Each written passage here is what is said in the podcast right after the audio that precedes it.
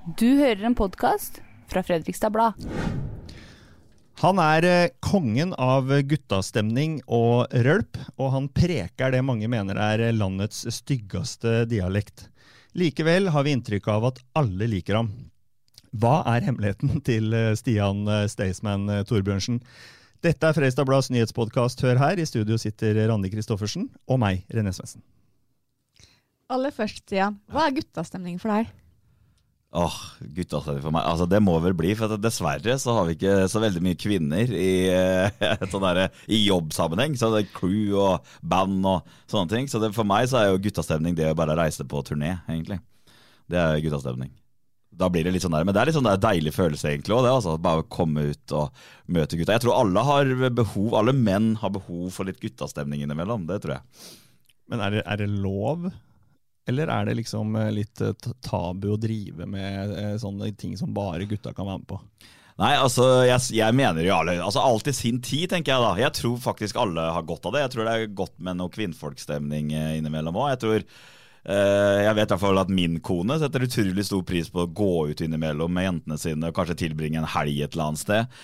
Og Samme som jeg elsker å tilbringe tid med mine kompiser. Jeg tror det er viktig egentlig for alle. Og, men dette er jo klart Litt av problemet som har vært den siste tida, har vel vært at det har vært såkalte herreklubber som sitter i maktposisjoner, og som utelukker kvinner. Eh, Og da føler jeg at det kanskje blir litt mer shady. Eh, Stian, du har et spesielt forhold til eh, terninger. Ja. Du sier at alt over to, da blir du skuffa. ja. Men hvis du får den terninga her nå, hvordan er livet ditt akkurat nå? Terningkast. Nå gir eh, Randi Stian en eh, stor rød Det er en sånn veget, det er VG-terning. VG-terning. Oh, er. Hva er livet mitt på nå? Uh, jeg vil si en uh, Nå høres det veldig deprimert ut, kanskje, men jeg, jeg vil si en treer. Det. Ja, den, den må vi nesten få forklaring på. Ja, det, har, det har vel en sterk sammenheng med det, den pandemien som vi er inne i. Det er har jo gjort at du måtte kaste seg fryktelig rundt, da, for det på en måte å finne på andre løsninger. Altså, det er ikke nødvendigvis det at det er synd på meg. Jeg har vært programleder på Allsang på grensen, og jeg har vært med på hver gang i møte, så jeg har liksom fått jobbe. Jeg har gitt ut ølbok, og jeg har gjort masse greier. Men det er liksom det jeg ser, at alle rundt, alle lydteknikere, alle bandmedlemmer og sånt, som brått sto på veldig bar brakke, og det syns jeg har vært, det har vært dritkjipt. Og det legger jo et visst press på meg også, da, som eh, Jeg står vel kanskje øverst i den derre Hva heter den, da? Det, det hierarkiet. Næringskjeden. Næringskjeden, ja. Akkurat når det gjelder kommer til vår business. Så det, det er liksom Man føler seg privilegert, men så tenker man på alle dem som kommer nedover i rekkene, som ikke nødvendigvis har det like bra. Du jobber jobba hardt for å bli hele landets uh, rølpeartist, vil noen si. da. Um, men uh, hva, hva skulle du gjerne ha gjort annerledes på den uh, veien mot stjernehimmel som du er på nå? ja, ja, nei, altså vet du hva, jeg tror ikke jeg skulle gjort så veldig mye annerledes. Hva, hva skulle det vært, egentlig? Ja, vet du hva, det, Noe av det jeg er mest stolt av i livet mitt, er at jeg har klart å prioritere riktige ting, føler jeg, da. Jeg har liksom alltid hatt en tydelig agenda på hvor jeg vil. Sånn som jeg var med i Paradise Hotel, så var det jo liksom mange ting jeg takka nei til sånn før det kom på skjermen, nesten. Fordi jeg så for meg Altså, jeg ble jo tilbudt å være med på Firestjerners middag, eh, kanskje en uke inne i Paradise Hotel. Men jeg hadde liksom en sånn formening om at eh, hvis jeg først skulle være med der, da, så skulle jeg få litt mer betalt enn jeg fikk tilbud om da. Og da var jeg tydelig på det. Og, og, det å tørre å ha den i seg, i seg i maven, da, når du vet at det TV-verden den kan jo snu fort og slå tilbake på deg. Du kan være glemt i løpet av første sommeren. Og alle sånne sponsorting og sånne man takka nei til den gangen fordi man var redd for å legge seg på en pris. Og i det øyeblikket du har liksom gjort en sponsa kampanje på f.eks. Instagram, da, eh, til en viss pris, så har du på en måte satt den prisen for veldig lang tid framover. Det at jeg turte alle de tinga, det at jeg satsa på, etter Paradise Hotel spesielt, at jeg var med på kun reality-konsepter som var store og etablerte, og takka nei til så insane mange andre konsepter som heller ikke funka på TV. Og det at jeg liksom turte å ha en tydelig plan med hvor jeg ville. Jeg ville bli Norges største rølpeband. Uh, og det å liksom gjøre alle de eh, prioriteringene da, som fulgte med. Det, det er faktisk en av de tingene jeg, jeg er mest stolt av. Så jeg vet ikke helt hva jeg skulle gjort annerledes. Hvis du hadde takka ja til Firestjerners middag, Mm. hva skulle du laga da? Ja, Jeg har jo vært med på Firestjerners middag nå. Ja, men jeg, Den det- gangen hadde du lagd noe annerledes da? Ja, da, den gangen, så Det som var deilig når jeg var Paradise-Stian, eller bare Staysman, og det var det folk kjente meg som eh, Det var jo her i Fredrikstad òg. Det var så sjukt deilig å kunne leve ut den karakteren 100% Det at Hvis jeg var i et intervju med dere her eller VG, så kunne jeg bare si sånne tullete, kontroversielle ting. Sånn der, Jeg har smitta halve Norge med klamydia og sånn. ikke sant? Og da visste jeg at det ble overskriften. Så var det ingen som blanda seg inn i privatlivet mitt og, og alt sånt. Og så Mest sannsynlig hadde jeg vært med i Firestjerners middag den gangen, så hadde jeg sikkert dratt på med mye mer rølp. Det var ganske rølpete det hadde det nå, egentlig. Det var jo uh, Flasketuten peker på Gressvik-style, som var at du måtte shotte uh, sånn der gammeldansk hvis du ble truffet, i tillegg til at vi Jeg endte vel opp med å kline med Mia Gundersen. Det, det, det sklidde jo ut. Men den gangen så hadde jeg sikkert dratt på enda, enda mer. Bare, uh, Du nevnte med korona. Mm. Og det er klart at som uh, i de rollene, eller det du har drevet med da, i det, den perioden her, så må du ha vært jækla redd for å bli smitta. Ja, eh, altså det har jo vært den største Altså det er jo det man Det er det siste man vil òg, på en måte. For at hvis man får eh, korona altså, Men det som har vært problemet hele veien her, er Det har vært så vanskelig å forholde seg til alle dem. Det tror jeg mange kjenner seg igjen i. Det kommer nye regler hele tida. Og så er det et sånn sosialt stigma mot deg i tillegg. Så det er sånn der, Selv om man spiller en konsert, da, og det er 200 mennesker der, og det er liksom gjort etter boka, og det er masse vakter der, og det er spriting der, og ifølge Folkehelseinstituttet, er ikke det dette, da? Jo, FHI, det er det det står for, så ikke jeg bomma på en forkortelse, for det er sånn typisk Paradise Hotel-deltaker å gjøre, så det må jeg passe meg for. Men selv om man følger alle de tinga, da, så er det sånn, sånn stigma rundt allikevel. likevel. Du liksom, kan fortsatt få den derre Å, ditt kjøtthue som driver og spiller konserter midt oppi disse tider. Og det syns jeg har vært sjukt vanskelig, for det er sånn På ene sida så følger du alle regler, og på andre sida så får du liksom kjeft allikevel. Og det tror jeg veldig mange har følt på. Og så er det selvfølgelig et mareritt hvis de hadde spilt en konsert, og så hadde brått noen blitt smitta, da. Åssen har du beskytta deg? Nei, jeg bare spriter meg, da. Jeg, det, Jeg- jeg har vært holder mye, meg unna mye, folk. det har vært mye sprit nå. Jeg har mye, blitt, mye, blitt mye sprit. Men er du redd for å bli smitta? Har du vært redd selv? For å bli Nei, jeg, jeg skal innrømme at jeg er ikke redd for å få det. Det er jeg ikke. Det er, så, det er så mange ting jeg kunne fått, på en måte. Så jeg, jeg vil ikke si at jeg er så redd for det. Og det er litt med Hvis, hvis man leser statistikker, da. Jeg, jeg går og sjekker meg en gang årlig hos legen, og jeg har ikke noen underliggende sykdommer i det hele tatt. Og er relativt eh, frisk og rask. Og da Jeg, jeg, jeg har jo snakka med folk rundt min alder som har fått det, og blitt jækla sjuke. Men det- skal jo litt til, da, heldigvis. Eh, å å stryke med uh, hvis du får det som frisk eh, 38-åring. Så det, det er vel litt det jeg prøver å tenke at uh, jeg, jeg kan jo ikke bli helt uh, fullstendig paranoid heller. Da hadde vi jo hadde virkelig vært farlig, da, så hadde jo liksom, da hadde jo skjøtta ned alt busstrafikk, eh, togtrafikk. Eh, da hadde jo ingenting eh, vært oppe å gå. Jeg prøver liksom å tenke sånn så lenge de tillater alt det der, så kan det jo ikke være det kan ikke være så farlig, men det er jo selvfølgelig farlig for dem som er i risikogrupper osv. Tilbake til Paradise, bare litt. Rann. Ja. Du hadde jo ville overskrifter, jeg husker jo det selv. Jeg har jo Ja. sett deg sitte på Karl Johan og tigge etter Mm. Det var, det var Paradise, ja? Det var rett etter Paradise Hotel, ja. Det var vel du som tok bildet, Randi, som uh, gikk viralt, var det ikke det? Det gikk viralt. Ja. Ja, Det at jeg sitter og tigger 100 000 uh, til nei jeg, nei, jeg sier at jeg brukte opp alle 100 000 jeg vant, Mm. og tigger penger til toget hjem. Det var det Randi ville fram til, at det var hun som hadde tatt det bildet. Ja, jeg tenkte jeg hun skulle få den. Veldig bra, Stian. Men det jeg skulle fram til egentlig, var faktisk eh, Du har moderert deg på veien. Mm. Er det en sånn bevisst eh, handling du har gjort, og tenkt veldig sånn strategisk Ja, ja, på det? ja, altså, ja, nei, egentlig ikke. Det er mer programmene som jeg har vært med på, som har moderert meg.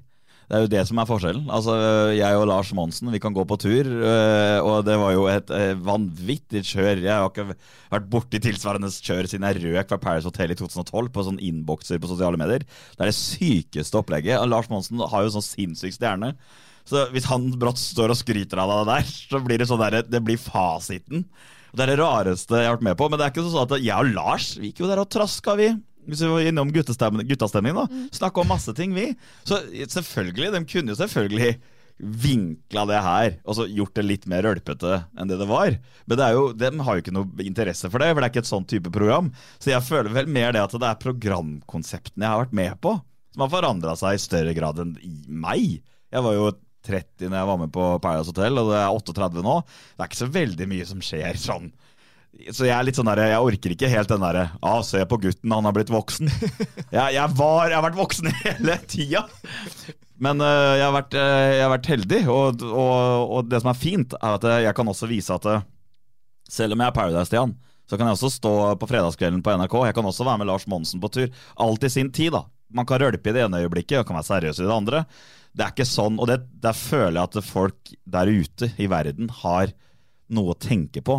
For jeg synes det er litt morsomt når jeg var med på Paradise Hotel, så der fikk jeg så mye hatkommentarer av så mange mennesker. Kanskje mest 40 pluss. 40-åra pluss. Og den samme generasjonen åtte år etterpå er masse gode ting å høre. høre du hører masse, får masse fint, da. Mm. Og det er litt sånn jeg tenker nå, jeg, jeg, har tatt det som min oppgave når jeg ser nye Paradise Hotel-deltakere som kommer på banen nå, som får masse kjeft i kommentarfelt, så prøver jeg å forsvare dem. Selv om jeg noen ganger tenker at ok, det her var vel litt mye. Men så prøver jeg i hvert fall å være en slags kompis, da. Og så det her har jeg sagt i mange sånn vi skulle kaste folk til TV-programmer i forbindelse med NRK og Ti på topp og sånn, at eh, jeg foreslo jo kontroversielle figurer. Men jeg sa også det at eh, Og de sier nei, du kan ikke ta dem. Herregud, Paradise-deltakeren. Vet du hva han sa? Jeg husker at jeg foreslo Tix, og det var sånn Nei! Tix skal vi aldri jobbe med! Og det var sånn Jeg vet jo at om to år så kommer alle til å ville jobbe med Tix, for at han har så ekstremt stor tilskuerskare, og den vil alle ha. Det er så lett. Det er for Tix å lage én seriøs sang, så er han Altså, da elsker alle han. Og neste uke er han mentor i Stjernekamp. Korrekt. Ja, han er jo dommer i Idol, ikke sant? Ja, ja. Så, så, så, Derfor så mener jeg det at man skal ikke dømme alle ut ifra et førsteinntrykk som man får på f.eks. Paradise Hotel, som jo er laga for å lage kontroversielle overskrifter og være en snakkis. Det var lang tirade. det var lang tirade. Men det, det, det, begynner vel ut i aldri døm noen på, på bakgrunn av førsteinntrykket. Men du er ikke skuddredd sjøl, i hvert fall. For du sendte jo en mail til TV 2 der du foreslo deg sjøl som programleder for Allsang på grensen. Ja. Hvor går grensen for uh, Torbjørnsen? Nei, altså jeg gjorde jo det på NRK egentlig òg. På Ti på topp? Ja, ja. for de spurte om jeg skulle være deltaker. Så lanserte jeg meg sjøl som programleder isteden. Jeg tenkte at jeg hadde ikke noe å tape på prøve, og jeg hadde jo lyst til å bli programleder. da. Det ga jo mersmak. Jeg var jo programleder for VG-lista i 2016.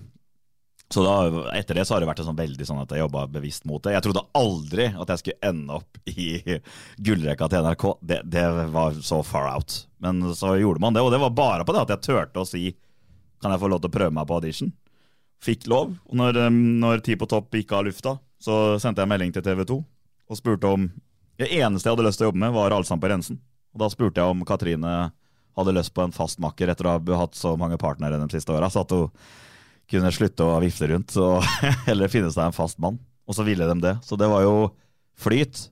Men også noe jeg føler, hvis jeg skal være sånn at andre har noe å lære av.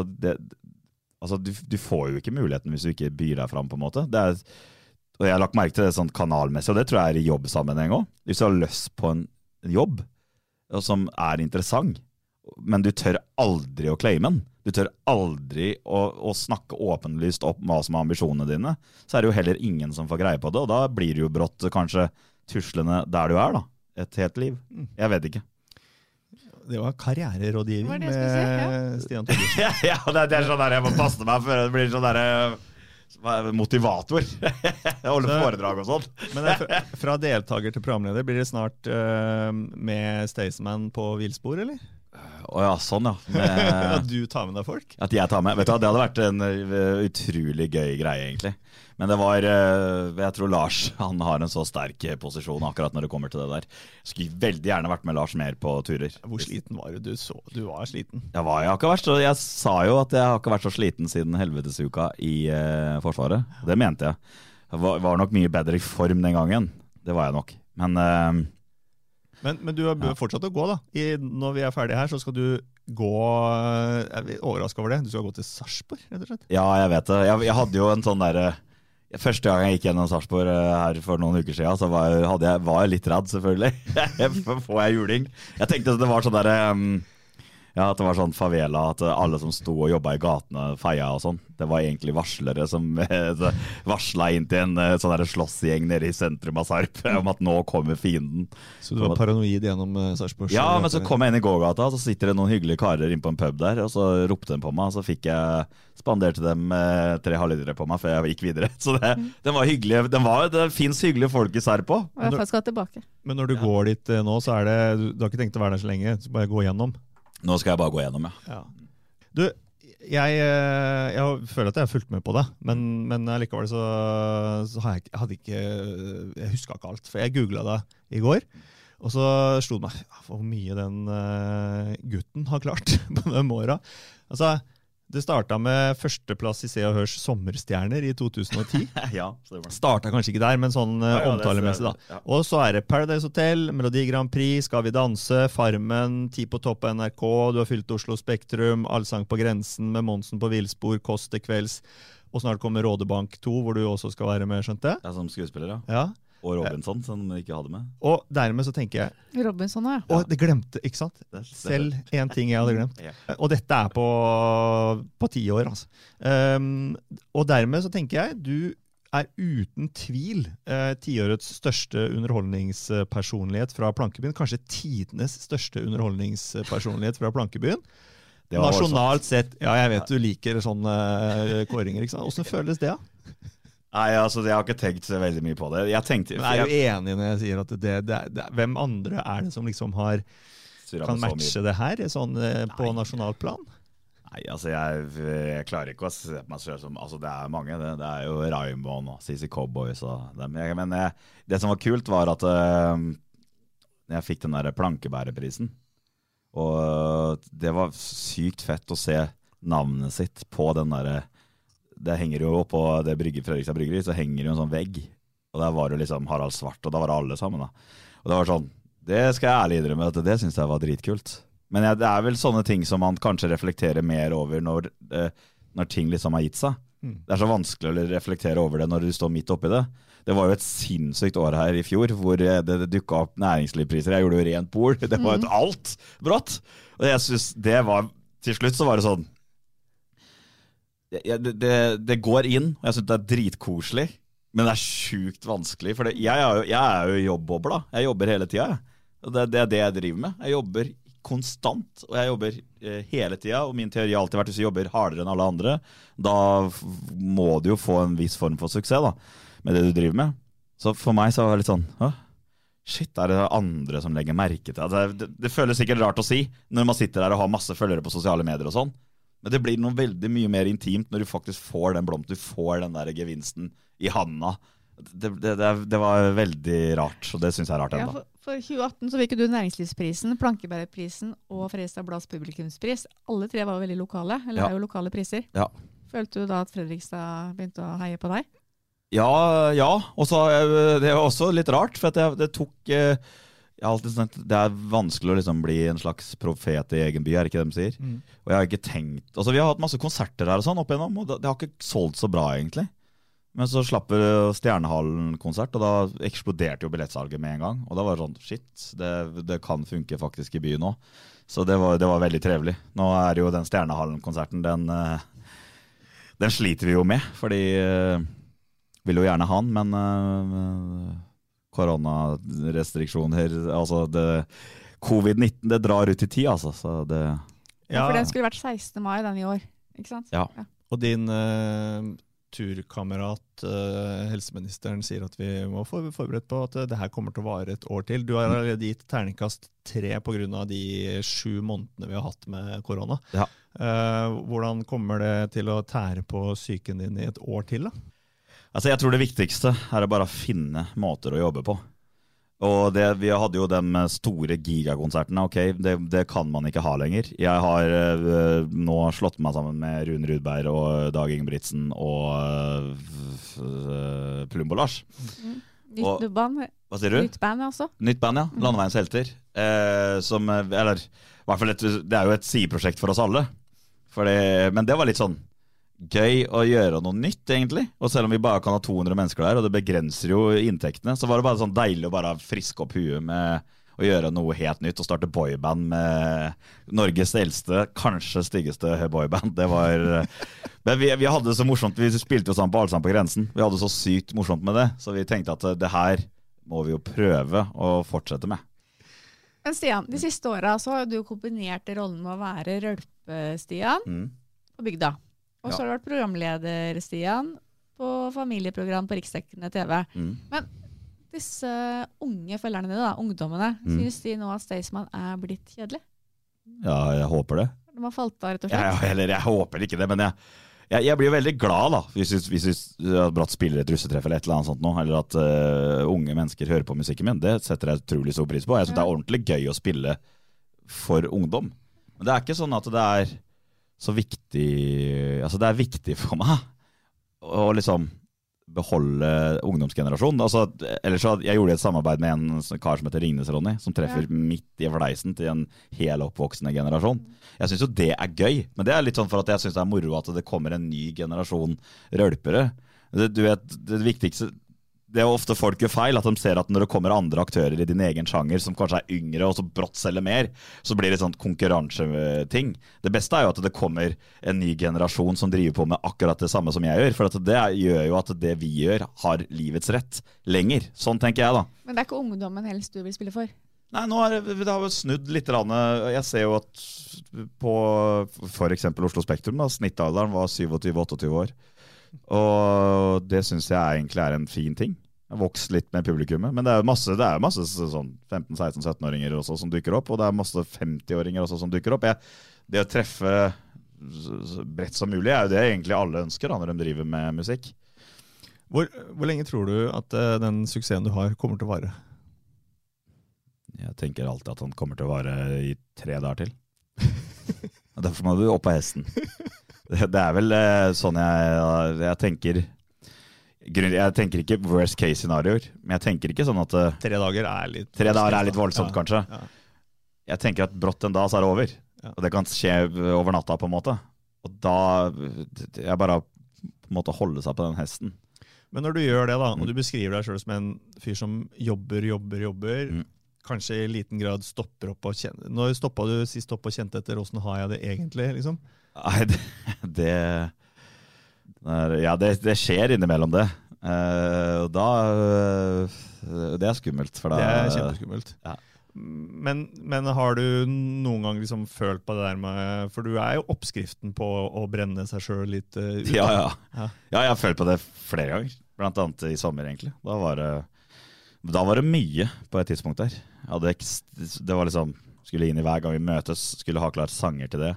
Eh, Sto midt oppi allsang på grensen eh, og jobba masse med det. Og det var liksom jeg skulle på tur med Lars Monsen, da, som jeg hadde, det var genuint gleda meg til. Det var en stor drøm, så det var ikke et snakk om at jeg skulle liksom flytte på det heller. Så eh, ja, det, da, da var det Når jeg kom hjem fra den turen med Lars Monsen, og visste at det var bare ti dager til jeg skulle på hver gang vi møtes, og ting var ikke helt klart ennå, da satt jeg nedpå øh, brygga her og, og jeg tok noen telefoner, og da var jeg helt i kjelleren, for jeg visste ikke åssen det skulle gå, rett og slett. Om vi skulle klare å få det til.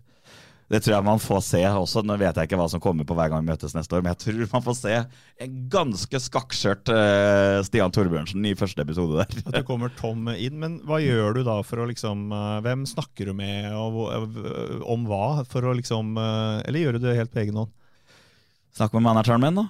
Jeg syns jo det er litt sånn der trist innimellom, for du vet den derre Love Actually-filmen. Eh, så den har jeg hatt en sånn superreaksjon på, vet du.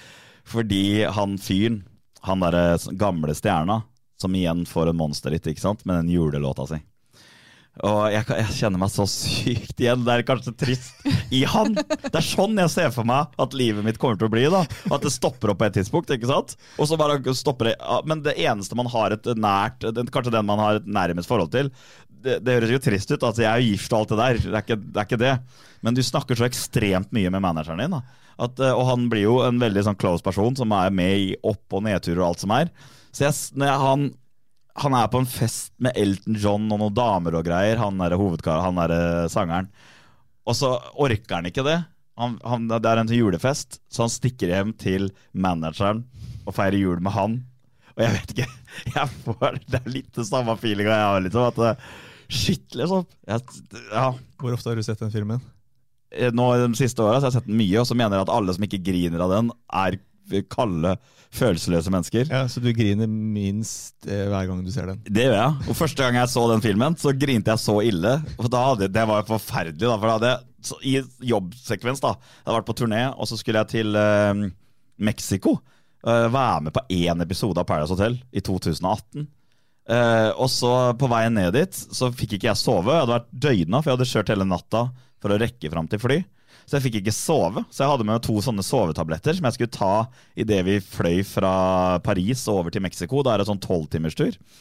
Tok to sovetabletter. Eh, tok meg en, eh, en øl. Eh, og de sovna jo ved siden av meg, guttungen, minstegutten min og kona. Og jeg ble bare trøttere og trøttere, trøttere, men klarte ikke å sove. Så satte jeg på Low Actually da, for å se hypen. Og da jeg da i tillegg er skakkskjørt sovet på noen døgn ja, Dette med noen sovetabletter, jeg har fortsatt ikke fått sove. Og sitter oppe hele den natta. Når den filmen da Når eh, kona mi våkna, så bare Hva er det som skjer? Jeg satt og hulkgrinte i flysetet. Jeg klarte ikke å stoppe igjen. Så det var så forferdelig. Men så så jeg den igjen, da, året etterpå så gråt jeg da. Og da gråt jo ikke eh, kona mi, for at hun har sett den mange ganger. Og da mente jeg da Da hadde vi en liten krangel om akkurat det. For jeg syntes det var Åssen er det mulig å ikke grine av den filmen? Det skjønner jeg ikke. Så ja. Det jeg lurer på nå, er jo hvem er manageren din? Svein heter han. Er han fra byen, eller hvor fant du han hen? Nei, han, eh, han jobber i et firma som heter Artistpartner. Så det var uh, Han har selvfølgelig betydd uh, mye, da. Uh, og gjør det fortsatt. Hvor ofte snakker dere sammen? Hver dag. Hver dag. Ja, nesten hver dag. Kanskje ikke i helga, men det er nesten hver dag. Sånn blir det. Du, du jobber hele tida, du har noen prosjekter på gang, og det er liksom Det, det, det, det sklir jo ut, da. Vi har hørt at du også har familie. Du har to sønner. Og eldstemann, han Mm. tror jeg går på ungdomsskolen. Mm. Uh, han har nok googla deg på nettet, skulle jeg tro. Det er godt mulig. Hva er det du frykter mest at han skal finne om deg? Egentlig så tror jeg at det er ikke så mye. Ikke så mye. Jeg vet at det er mye ting der som eh, som, som, som er pinlig for meg at, at barna ser. Men jeg får vel eh, håpe at de eh, kjenner en eh, litt annen pappa enn det de nødvendigvis leser på, på internett. Så det får jeg bare stå i, altså. Det er liksom vanskelig å si at nei, jeg angrer det, for at en dag så kunne, kan kanskje barna mine google meg. Så da får man jo ta det da, da. Så det er selvfølgelig ting der som er drøye og alt sånt, men jeg, jeg, jeg vil ikke si heller at uh, jeg angrer, på en måte. Fordi Nei, det, det er vanskelig å si. Jeg, jeg, angrer ikke, jeg angrer ikke på noe. Nei. Så du gir dem hele selvbiografien din og sier 'les den'? Ja, les den. Få et, uh, annet, uh, få et annet perspektiv på Eller det vet de jo i utgangspunktet. Mm. Så det er, det, er, det, er, det er sånn det er vanskelig å sitte og si at jeg liksom angrer noe av de tinga jeg har sagt i mediene, eller sånne ting som kan dukke opp, da. Eh, Som sikkert dukker opp også. Men eh, ja. Eh, For i 2016 så skrev du din første bok, Mm, og nå har du kommet med ølbok. mm, Og så sist vi snakka med deg, så rangerte du Fredrikstad Pilsner som favoritten din. ja. Den eneste, faktisk. Ja, ja. Fått mange kommentarer på det. ja, ja. Så er du klar for en liten blindtest? Ja, det kan jeg godt gjøre. Og i ett av de to glassene du skal få nå, Ja. så er det Fredrikstad Pilsner. Ja. Så nå må du bare snu deg litt. ja. Og da, da skal jeg beskrive hva som skjer. Stian har snudd seg og sitter og kikker utover eh, Fredrikstads tak. Mens eh, Randi tar fram eh, to glass med en rosa lapp på hver, med et tall. Ett og to. Så helles det opp.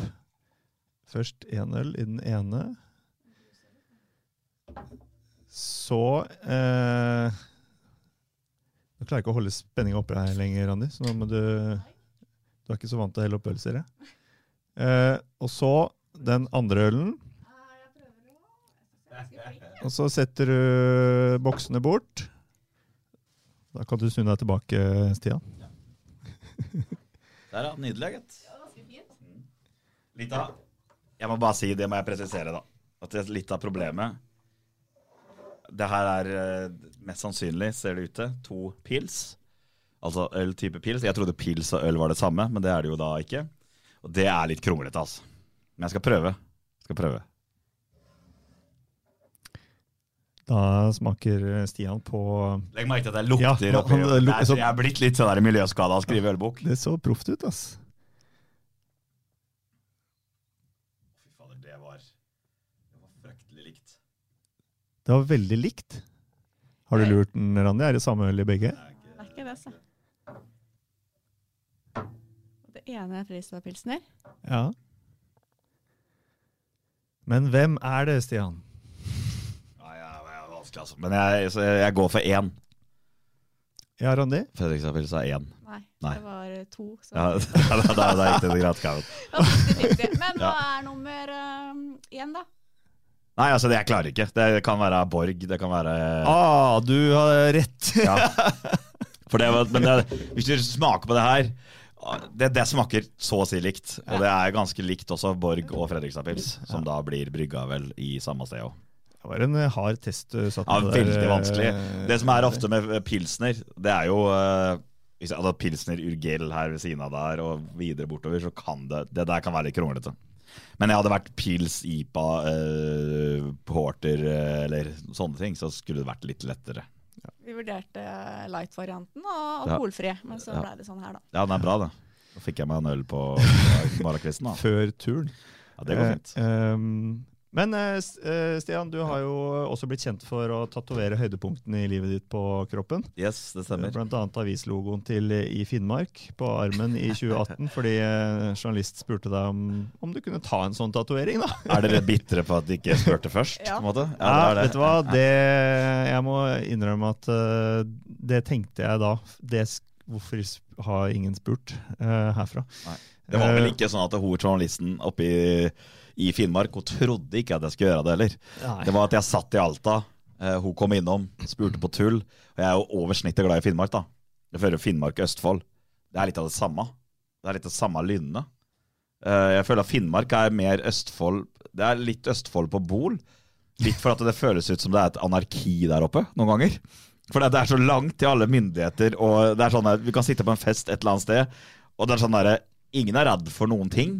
Og hvis du drikker, liksom, tar en øl offentlig, da, så er det ingen som er redd for det. For det er nærmeste instans, og det tar politiet tre timer å rykke ut. på en måte Så hvis du, hvis du klarer å bli ferska og drikke offentlig oppi der, så er du, da er du ganske flink. Og så Det virker som om liksom På en god måte, da.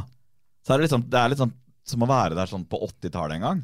Altså, det, det er liksom Reglene er ikke den samme, føles det ut som. Det er jo det, men det, det er bare det er, det er galskap da oppe i Finnmark. Jeg er veldig glad i Finnmark. Jeg føler at jeg treffer mine likesinnede der oppe. Så jeg, jeg har alltid sagt at Østfold-Finnmark er litt av det samme.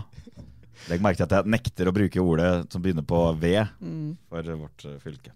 Uh, ja, ja, absolutt. Vi, vi er helt med på det. Uh, Jeg tar, jeg tar en øl, jeg. ja, ja, jeg det? Det er jo mandag, ikke det? Ja. Eh, jeg Men- men, Men bare spør på hvem som er hvem. Eneren er Nei, men jeg tar og bare drikker av boksen. ja. Ja, men i eh, Tilbake til tatoveringene. Er det, er det, du, du har jo sagt flere ganger at eh, du angrer ikke på ting. Men Nei. har du noen gang angra på en tatovering? Nei. Det som jeg tror ofte er grunnen til at folk angrer på tatoveringer, det er vel fordi de tar tatoveringer som f.eks. er trend. da. Ikke sant? Og som en lang periode så var det den tribal-tatoveringen veldig trendy. Mange tok det, angrer nå. Jeg, jeg har i hvert fall prøvd å holde meg unna trender, og alt stort sett da, har en historie eh, bak seg. Så det er et hyggelig minne. Og da blir det jo vanskeligere å eh, angre også. Det er mitt tips til alle som tar tattiser. Da. Ta noe som ja, minner deg på noe koselig. Da er det liksom Ja vel, så var, den ser litt dum ut og alt det der, men det er fortsatt et koselig minne bak det. Da. Så det er vanskelig å titte på det og si 'å, herregud'. Så jeg, selv om jeg tok mange når jeg var 16-17-18, så har jeg alltid tenkt sånn, og derfor så blir det jo det Ja, når jeg titter på kroppen min, så Det kan jo være at jeg har glemt en tattis òg, så brått så ser jeg Oi, shit! og så kom jeg på et hyggelig minne. Jeg, jeg, jeg har to tatoveringer. Den ene tok jeg da jeg var eh, 17 år, på, på fingeren. Ja. Og det ser altså ikke bra ut. Og jeg har angra på den i uh, 49 minus 17. Hva blir det? 32 år. Mm. Mm. Men, uh, Men få se på Ja, jeg må Ja, vise deg fingeren. skal gjøre det. Hvorfor har du Hva?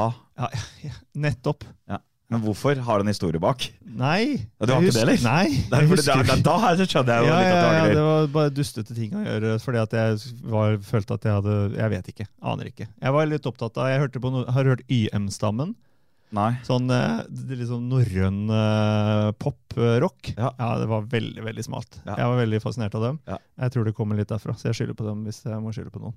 Men tatovering nummer to, da? Uh, Når du først uh, sier Ja. at du har to? ja, jeg har en sånn teit greie på skuldra, bare. En liten en. Um, men uh, tatoveringene Men nå som du har gått ned mye vekt og sånn, uh, går det utover uh, tatoveringenes spenst og uttrykk? Nei, jeg tror ikke det. Ja, ja, det blir det, så det er liksom det samme. Ja. Eneste jeg får hele tida, er at når skal jeg tatovere minus 20 kilo ekstra på magen. Ja. Jeg har 20 kilo ekstra, men uh, det er det folk misforstår. Det er jo at 20 kilo ekstra det er jo, for Vi hadde en låt som heter Bleik og sur, hvor jeg sier eh, Nei, men har du sett på maken? Jeg har 20 kilo ekstra på magen. En låt jeg lagde med Katastrofe. Og da skulle vi spille den på VG-lista. Så tok jeg den, og så måtte jeg ta den såpass stor fordi at folk, da kameraene skulle plukke den opp. Husker jeg. Men det er jo et minne derfra. Og første VG-listaopptreden. Og den største hiten vi hadde per dags dato akkurat da. Og derfor så, derfor så eh, Det spiller ikke noen rolle om, det er mi, om jeg går ned og får sixpack eller ikke. Det spiller ingen rolle. Den tatoveringa blir akkurat som han er. For det er, et godt minne. Får du sixpack? Nei, det er et, jeg snakka med faktisk uh, hun popstjerna, Julie Bergan. Hun trener jo mye. Hun sa at eh, 90, de sier at 90% er kosthold. Og 10% er trening. og da tror jeg den sixpacken den er, da er den langt unna. Da må jeg gå noen turer fram og tilbake til Sarp. eh, Da må jeg gjøre det hver dag, tror jeg. Et halvt år, så kanskje. Det er veldig demotiverende for alle som uh, vil gå ned i vekt. ikke sant? At det er 90 er det Ja, men jeg tror da folk fokuserer rett og slett feil. Fordi jeg syns jo det er kult å være Sånn som nå vet jeg at flesteparten av kompisene mine, dem klarer jeg å utgå. Altså Selv om jeg er 30 kilo mer enn dem. Så Hvis jeg tar det med dem på den runden jeg skal gå etterpå, da som, som er så på rundt 3-3,5 mil, eh, som man går kanskje ca. 6 km da, i timen Uh, det vet jeg at de fleste hadde slitt med. Og det er jo litt kult. Jeg har jo fortsatt litt kjøtt på maven. Jeg veier jo 105-106 kilo. Og det å veie det, og klare å gå fra folk, det syns jeg er nesten kulere enn å ha sixpack. Det er jo kulere å være overvektig og allikevel utkonkurrere folk i form. Når, når du går sånne turer, eh, hva gjør du da? Hører du på noe, eller går du og hører på naturen, eller eh, hva liksom eh, Nei, jeg hører på um, podkaster. Og så er jeg blitt mer og mer glad og bare hører på naturen. Ja. Da bare gå og kose meg. Men når du hører på podkast, hva hører du på da? Eh, da hører jeg på uh, Fredrikstad Blad-podkasten Nei Ja, jeg har ikke hørt så mye på den. jeg skal, jeg skal, eh, Randi. jeg skal Men eh, jeg har eh, Jeg hører på True Crime, og så hører jeg på Konspirasjonspodden.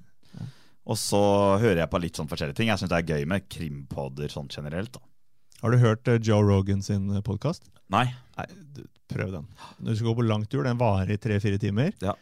Fantastisk. eh, Vel verdens største podkast. Ble kjøpt av Spotify for én milliard kroner. Såpass, ja. Mm. så det er, eh, Men det er engelsk, da. Men Ja, men det går fint. Men jeg, jeg prøver liksom å holde meg til noen, så får jeg masse tips nå som jeg tar vare på. Legger i banken. Fordi jeg har jo ambisjon om å gå fra Trondheim til Oslo neste år. mm. Eh, 32 dager, to mil om dagen. Så da jeg trenger eh, masse podkaster da. Ja. Så da har jeg i hvert fall litt å ta av. Så jeg får jeg begynne med lydbøker og sånn etter hvert. da. Men Kjører du statistikk over hvor mye det går? Har du Nei, jeg, jeg er ikke så Men jeg syns det er moro å sette på den der Endemondoen, den som tracker meg, sånn, når jeg er på sånne langturer som i dag. Mm.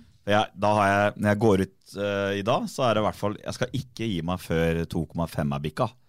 Men alt etter 2,5, da tar jeg det litt som en bonus. Eh, Er du opptatt av valget i USA? Ja, det vil jeg si. Eh, Hva tror du? Blir Donald Trump eh, gjenvalgt, eller? Jeg skulle ikke forundre meg. Det jeg tror eh, Altså, det som jeg syns er litt sånn historieløst av folk som uh, følger med, er jo det som skjedde sist gang. Jeg husker at jeg så, jeg så på CNN-sendinga som gikk rett før valget starta, og da klarte de å oute altså De sa det var 92 sjanse for at Hillary Clinton vant. Det, det var siste uh, statsa jeg så før valget begynte den natta. Så det var sånn Altså, 92-8! Og det er CNN som rapporterer. Og det var sånn der, jeg, så det, Ok, det her er jo skjørt. Og så satt jeg oppe og så på det, og så var det noen uh, vippstater som slo hans vei. Så bare, og så gikk jo eh, Så ble det mer og mer tydelig at han faktisk kom til å dra det inn. Og da var jeg så sjokkert, og det er jeg sjokkert over den gangen her òg. Er ikke det rart hvordan eh, Jeg satt ikke oppe, for jeg tenkte at det her kan jo ikke Nei, nei. eh, få noe annet. Men, men den der følelsen av Jeg husker fortsatt jeg våkna i senga, slo på mobilen og Mm. så det. Det var sånn eh, Hvor var du da Oddvar Brå brakk staven-øyeblikk? altså. Det kan jeg fortsatt eh, huske den der følelsen. Dere Ja. Det var helt merkelig. Ja, veldig. Og det, det, var, sånn, det var sånn Hæ? Og, og det og litt det som nesten holdt jeg på å si var synd med det, på en måte. Det var jo det at det, det at han vant, det legitimerte jo mye av tingen som han brukte i valgkampen. Han sa hele tida at det er fake news. ikke sant? Det er med etablerte politikerne som slår kjepper under hjula på meg. ikke sant? De bare finner på ting. Alle de der eh, meningsmålingene dere ser, det er fake, fake, fake, fake, fake. ikke sant? Og så viser det seg at det var, det var det jo på en måte. da. Han vant jo valget. Til tross for at alt uh, som ble rapportert om i store mediehus her hjemme i Norge og i USA, det, de sa at nei, han vinner ikke. Og, og det var liksom sånn nesten slag i trynet. da. Og det gjorde jo øh, Det var litt sånn teit, da. For da Det tror jeg gjorde at han også etablerte det der fake news-greiene sine. At det står sterkere den dag i dag for kanskje den jevne amerikaner òg, da. Så de stoler ikke helt på hva de ser lenger. Eh, hva nyhetsbildet rapporterer om. Jeg antar at en del av musikken din er populær i sånn eh, eh, rag- raggemiljø og redneck-miljø og sørstatsflagg og sikkert en del eh, Trump-tilhengere, definitivt. Eh, Hva, hva er liksom hva tenker du om det? Jeg, jeg, jeg, senser at du ikke er Trump-tilhenger sjøl. Nei, nei, altså, jeg, altså det jeg syns er sånn s- musikk Altså det jeg driver og fronter og sånn altså, Jeg prøver alltid å være litt sånn Ikke blande meg så veldig mye bort i politiske spørsmål. Litt uh, mitt favorittband Metallica, de gjør akkurat det samme. De, eh, de lager musikk og god stemning, og så eh, holder de politiske meninger Det holder de seg unna å melde. Og jeg er litt på den samme greia. Jeg ser jo det at Sånn som du sier med sørstatsflagg og sånne ting. da Det er mye av det som Altså Jeg tror ikke dem som har brukt det Jeg tror ikke Ragger-miljøet eksempel i Halden da De har ikke brukt det for at de er eh, rasister. Altså På ingen måte. Jeg, jeg har jo vært en del i det miljøet, og jeg har opplevd dem, og jeg, jeg får ikke så veldig mye vibber av at det, det er liksom At det ligger et rasehat i bånn her. Men selvfølgelig, eh, det er jo sikkert elementer av det, og det kan være når man reiser rundt på bygda og sånn, men eh, akkurat det med Men nå ser jeg jo at ragger-miljøet um, ser annet Rødballebandet, eksempel, som uh, har uh, solgt effekter med sørstatsflagg på. De har bytta det ut til det amerikanske flagget, som jeg syns er en fin ting å gjøre. De treng, du, når, det, når det først blir satt fokus på, da, så trenger man kanskje ikke å fortsette å på en måte provosere med det. Det syns jeg er en fin ting. Du kaller det ragger-miljø, mens jeg sier ragger-miljø. Er det, Er ragger, altså, jeg Sier jeg det på- feil? Er det sånn uh... Nei, det er ragger òg, men det, det er vel ragger. Altså, jeg, jeg sier det på den måten de kanskje omtaler det sjøl? sjøl. Ja. Ja, Ragger-miljø, liksom. Det er litt mer kanskje svenske måten å si det på. Jeg vet ikke hvorfor jeg sier det sånn. Det høres veldig innsiktsfullt ut. Ja, det gjør det. Eh, fra USA til her hjemme igjen. Mm. Du har jo, som René ramsa opp i stad, vært med på ganske så mange realityshow. Eh, hvis du skal rangere sånn fem eller tre på topp, hva er det beste du har vært med på? Én Paradise Hotel. Uten tvil. Fordi Det er det morsomste jeg noensinne har opplevd. Uh, Det er en selskapslek for voksne. Du kommer ned, må ikke tenke på noen ting. Det er karneval og enedan. Og uh, jeg som ikke var redd for å ryke heller, på en måte, da, for at det var Altså, det var ikke så viktig for meg. Jeg bare var der og genuint kosa meg. Nei, det, det er en fantastisk opplevelse. Bo på et sånt luksushotell nedi der, nede i Mexico. Nei, helt nydelig. Uh, to Jeg vil vel kanskje sette Skal vi danse der. For den mestringsfølelsen man får av å komme til Når jeg kom til finalen, så fikk jeg sånn blackout. Huska ikke noe før eh, en time eller annen etterpå. Jeg var så lykkelig. Det var en fantastisk opplevelse. Men det er, jeg er ganske Så er det Robinson, da. Som var også eh, ellevilt. Bo nede på en øde øy i 30 dager uten mat. Gikk ned 20 kilo på 30 dager. Det var også en sinnssyk opplevelse. Det er veldig vanskelig. Det jeg husker, var at jeg syns Farmen eh, Sorry til alle Farmen-fans, sånn sett, da, men det, det var et sånt resultat at jeg hadde vært med på så mange program før. At når jeg var med på Farmen, så var jeg så bevisst på min egen rolle. Og det var uh, kjipt, og derfor så tenkte jeg at nå gidder jeg ikke mer reality etter Farmen. For at jeg kjente alle som jobba i produksjon, eller mange av dem, og man vet dynamikken. Altså, de andre som var der, kom inn i en sånn boble og tenkte sånn 'Å, vi er venner for livet', og alt det der. Dessverre så er det litt sånn når du kommer ut av den bobla, så starter alle sitt eget liv, og så er man brått ikke det. Og når du vet alt det der, og du vet dynamikken på hvordan de lager TV, du vet at du trenger ikke å hoppe foran det kameraet hele tida, for alle får sin Altså, når du begynner å tenke sånn, da er, da er man ikke noe kul reality-deltaker lenger. Og det Verken for meg sjøl eller for produksjon eller egentlig for TV-seerne. Nå gikk det jo bra, men jeg tenkte at nå er nok nok. Nå får jeg jakte programledergreia. Så 71 grader nord kjendis er jo aktuelt nå, eller? Ja, de har jo Jeg kan vel være såpass ærlig at de har spurt noen ganger. Men uh, dessverre. Ikke enda. Kanskje en gang i framtida. Men jeg vil jo også være med på noe jeg kan føle jeg kan vinne. Og det var litt sånn med Farmen òg, at jeg hadde med sånne altså Frank Løke-typer og Martine, altså sånne idrettsutøvere da, som er sten hakkende gærne, og du visste at det, men det med en hinderløype eller melke altså Du vet du ikke kan vinne. Det er også demotiverende. Så hvis jeg skal være med i 71 grader nord, så skal det være fordi at jeg vet at jeg kan i hvert fall ha en sjanse til å vinne. Eller komme langt, da. Men eh, jeg har lest og hørt at du er en lettskremt fyr. Ja, det vil jeg påstå. Eller det spørs, da. Men ja. Hva er du mest redd for, da? Det som er rart, er at jeg, kan liksom, jeg er jo redd for at det skal være noe i skapene hjemme. og sånn. Jeg må sjekke alle tinga før jeg legger meg. og alt det der. Men samtidig så um, Jeg kan jo gå tur på kvelden og gå inn i skauen, og det er bekmørkt. Det er jeg ikke redd for. Det, det der syns jeg er veldig rart. Det er ikke noe sånn Jeg er liksom redd for det, det å sove, og så er det noe med det. Hvis jeg ikke har kontroll på situasjonen, det er vel egentlig det jeg er redd for, da. Mens jeg føler at inne i skauen og det er mørkt, så da har, jeg, da har jeg like mye oddsa med meg som noen som eventuelt skal ta deg ut i den skauen. Det er like mørkt for dem. Så jeg tenker sånn, det skal jo veldig lite til for at det skjer noe ute i skauen midt på natta. Men hjemme, hvis det hadde kommet noen inn der og jeg ligger og sover, så har dem Det høres jo helt sinnssykt ut og at jeg i det hele tatt tenker sånn, men ja, det er vel det jeg er eh, mest redd for. da. Hva, er du redd for sånne ting før du var i, i Forsvaret? Ja, Det har bare ligget latent der hele tida, egentlig. Så jeg, jeg, klarer ikke å linke det opp til uh, Forsvaret, egentlig. Jeg kan, jeg, kan uh, jeg ser på det kanskje som en annen måte etter Forsvaret. At jeg begynte å se på det litt mer sånn Jeg liker f.eks. inne på en restaurant, så liker jeg å sitte sånn at jeg i et hjørne, men sånn at jeg fortsatt har kontroll på rommet. Så at jeg ser hva som skjer. jeg liker ikke å sitte med ryggen til ting. Det høres litt soldataktig ut. Yes, Og det er der jeg liksom har begynt å tenke at det kan være noe som stemmer, stammer fra Og, jeg liker, og som jeg sier når jeg sjekker uh, skaper og sånn før jeg legger meg, at jeg klarerer huset på en måte før jeg legger meg. Det er også litt militært. Men jeg tror ikke det nødvendigvis har direkte konsekvens fra Forsvaret. altså Det vanskelig å si. Og Man skulle kanskje ikke tro det, da, men uh, jeg har hørt at du egentlig er ganske introvert som type. Um, så når du kommer hjem til Lisleby fra jobb, da, Mm. uh, hvor mye er du villig til å betale kona for å gå på butikken for å slippe, slippe det sjøl? Det, hender jo faktisk at jeg faktisk betaler og holdt jeg på å si. det, Altså, for at jeg lover at jeg skal.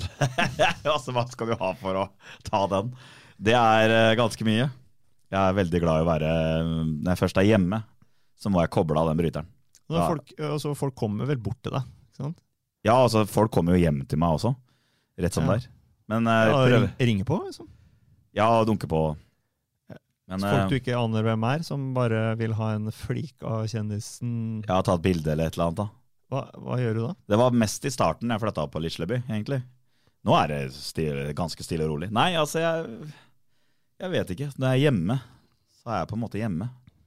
Jeg vet eh, Jeg vet at kona mi, uten at jeg vet det, da, jeg har visst det sjøl, har sagt til noen som har kommet på døra, eh, og at nå er Stian hjemme.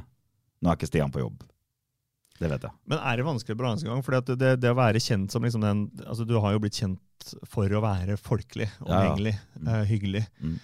Um, at det blir en rolle du liksom må leve opp til eh, i enhver sammenheng. Føler du på presset for å gjøre det? følte veldig på mye på det i veldig, veldig lang tid.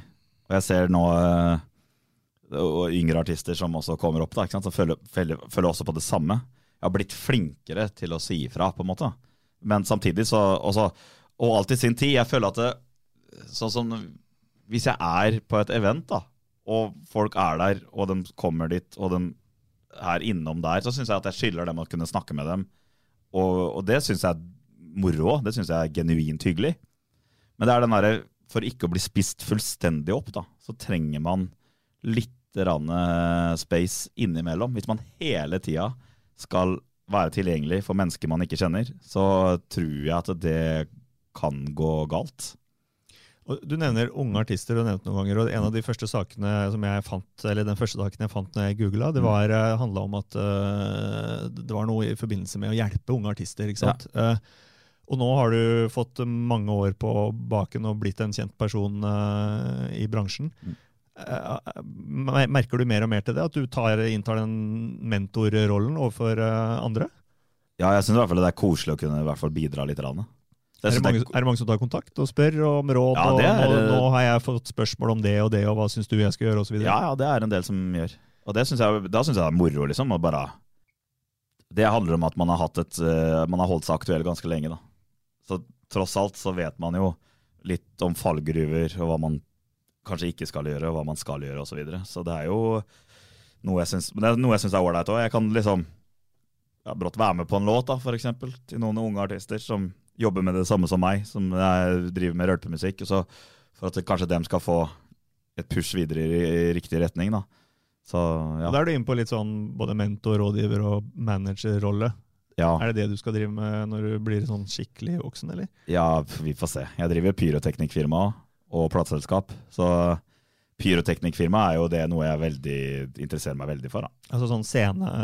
Scenepyro, ja. ja. Vi driver et firma med, med to andre som uh, går, uh, går, bra. Vi jobber med et, et, stort internasjonalt firma, så vi har liksom Nå kan vi jobbe med Stjernekamp og Alle sammen på grensen, og vi kan jobbe med litt forskjellige ting. Bor det en forretningsmann i deg, egentlig, eller? Du, jeg, jeg er mest uh, cowboy, det er jeg. Jeg må ha flinke folk rundt meg. Jeg må ha folk som kan si at det er moms å betale, det er penger og det er utgifter, på en måte. Jeg må ha en revisor. Men jeg er nok kanskje jeg, best når jeg får lov til å bare freestyle ting. Altså, som med Mats Hansen, det står jo et langt kapittel om det i nye boka hans, når jeg fikk den Sommerkroppen-låta eh, da, eh, når jeg ringer han da og selger inn hvorfor han skal slippe den på mitt plateselskap, da er, da er jeg businessmann. Det vil jeg vel tørre å påstå. Da Jeg kan ta på meg businesshatten, men jeg, jeg, jeg, kan ikke Det som aldri har trigga meg, som også jeg tror er en fordel for andre som har lyst til å prøve seg i den bransjen som jeg har vært en del av nå lenge Det har aldri vært eh, penga som har motivert meg. Og det, det er derfor man er, bruker masse penger på show og sånne ting. Fordi den dagen penga overstyrer, så noe, da tror jeg ikke det blir noe gøy, for de bare har fokus på det. Og, og, det tør jeg å si, selv om jeg er en businessmann på mange måter og har lyst til å jobbe med kule ting. Så er det det som trigger meg. Jeg har lyst til å slippe sommerkroppen, for jeg vet at det her kan bli en sinnssykt kul greie. Hele totalpakka. Så, her, så tar jeg penga som en bonus, selvfølgelig. Men jeg vil ikke se på meg som en Jeg tror ingen kjenner meg som en fyr som uh, uh, tenk, Jeg har aldri tenkt så mye på den penga. Det har liksom bare dukka opp uh, som en hyggelig bonus, på en måte. For Sommerkroppen ble jo Spellemannsvinner òg. Ja, det ble det. Ja, det var jo fryktelig kult konsept å være en del av. Og det var mest det der som var kult med det. var Det har vært bra økonomisk òg, det, men det er sånn det å sette en ny norgesrekord i antall streaming på et døgn og sånn, slå Kygo med nesten dobbelt så mange streams og sånn, det, var, det der, da satt jeg jo hjemme og gråt. Og det var ikke fordi at jeg å shit, nå tjener vi penger på det her. Jeg gråter jo fordi at shit, nå er man del av noe stort, og man gir et slag til alle etablerte plateselskap og sånn. At det, det, var meg og Katastrofe sitt lille plateselskap som fikk den rekorden. Og et halvt år etterpå så slo vi vår egen rekord. Med, jule... med juletragedien, ja. Så begge to var på. Så det er jo kult å stå igjen med. Og det er rekorder som nesten er umulig å slå, som blir stående en stund. Det syns jeg er kult. Var det da Mats Hansen sa at uh, det var utrolig lett å lage musikk? Jo, det er helt riktig. var det, Hadde han fått tatt replikken sjøl, eller hadde du gitt den til den? Nei, nei, han hadde tatt den veldig sjøl. Eh, han, uh, han, tenkte at han skulle gni det inn da, på Spellemannsprisen, og det syns jeg var uh, på sin plass. Det var deilig, egentlig. Han vet jo det at vi jobber veldig hardt. da. Og det er mye turnévirksomhet og mye studio, og det er ikke bare bare. Men jeg elsker at han sa det han sa, fordi deilig provoserende. Og jeg tror uh, dem som så på det òg, dem syns også det var deilig. Jeg tror mesteparten i Norge syntes det var deilig at han kom opp og sa det i et sånt program som skal liksom forherlige den kunsten musikk skal være. da. Og det var gøy å se alle de provoserte ansiktene i salen når, når han vant. Et siste spørsmål før vi gir oss. Mm. Eh, for du, du tjener jo litt penger. Men eh, hva bruker du penga på? Hva, hva bruker jeg penger på? Uh, jeg vet ikke. Jeg, jeg bruker penger på show, da. Sånn- Men sånn eh, i privaten, du samler ikke på klokker eller Nei, det gjør jeg ikke. Jeg er ikke så opptatt av biler eller sånne ting. Eller. Jeg er ikke så opptatt av sånne ting. Jeg. Hvis jeg skal bruke penger på noe, så må det være gode joggesko? Nei, nå, nå har jeg på meg de skoa som jeg hadde på slutten av Lars Monsen-turen.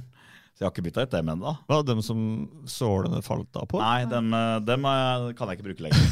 Men dem de skoene jeg har på meg nå, er jo dem jeg avslutta med. Dem som satt fast i gjørma og sånn på slutten her. Så, for det at dem har jo så gått inn. Så hvis jeg skal gå på sånn 2,5-3-milsturer nå, så må jeg ha på meg dem. Så jeg, jeg bruker ikke penger på det heller, vet du. Jeg vet ikke, altså. Så er- når folk eh, spør hva ønsker du deg i bursdag eller i julegave, så er det, det er blankt, som det er for mange andre her i dette eh, velfødde landet. Akkurat det.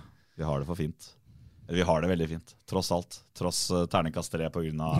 korona, så tross alt så har vi det fryktelig fint i Norge. Eh, Da, da kan vi si at det er avslutningen på intervjuet. Og så skal vi bare ha en sånn, eh, vi har en fast spalte på slutten her, Stian, hvor eh, Randi og jeg kommer med en, en anbefaling om hva som helst. Eh, som vi har lyst til å anbefale eh, lytterne. Ja. Og hvis du kommer på noe underveis mens vi prater, som du har lyst til å anbefale, så skal du få lov til å gjøre det på slutten. Mm. Eh, da skal jeg begynne med deg, Randi. Siden eh, Stian er her, og han går så mye, så må jeg jo liksom holde meg i det sporet. Og jeg, jeg bor jo på Gressvik, jeg òg. Og Gressvikmarka, der er det nå merka opp helt nytt. Så nå kan du, det er rødt, eh, og det er blått, og det er hvitt, og du kan gå alle løypene. Og den røde, da kommer du til og med til Onsøyknipen. Ganske fin tur. Har du gått den? Nei, men jeg skal gå mer i Gressvikmarka nå framover. Av den Anbefales. grunnen. Ja. Går deg ikke bort. Det er liksom én sti. Bare følg det.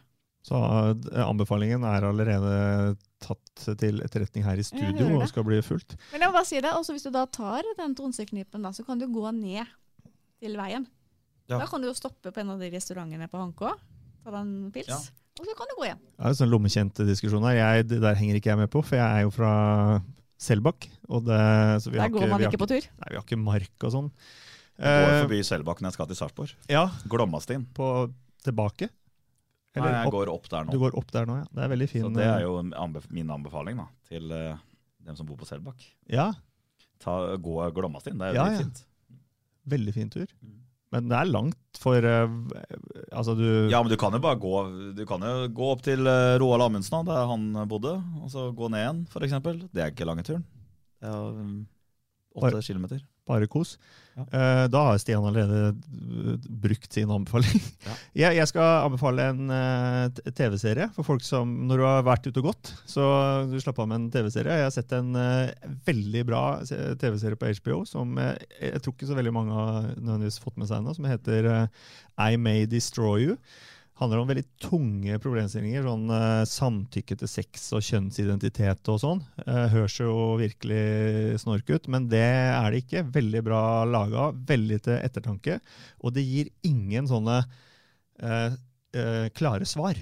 Det er liksom som vi mennesker er. Vi er jo, vi er jo alt mulig rart. Og det gjenspeiles i den serien, som eh, jeg anbefaler alle å se. Kanskje særlig litt yngre folk enn eh, i hvert fall deg og meg, eh, Randi. Og kanskje enda litt yngre enn eh, Stian òg. er det veldig bra for.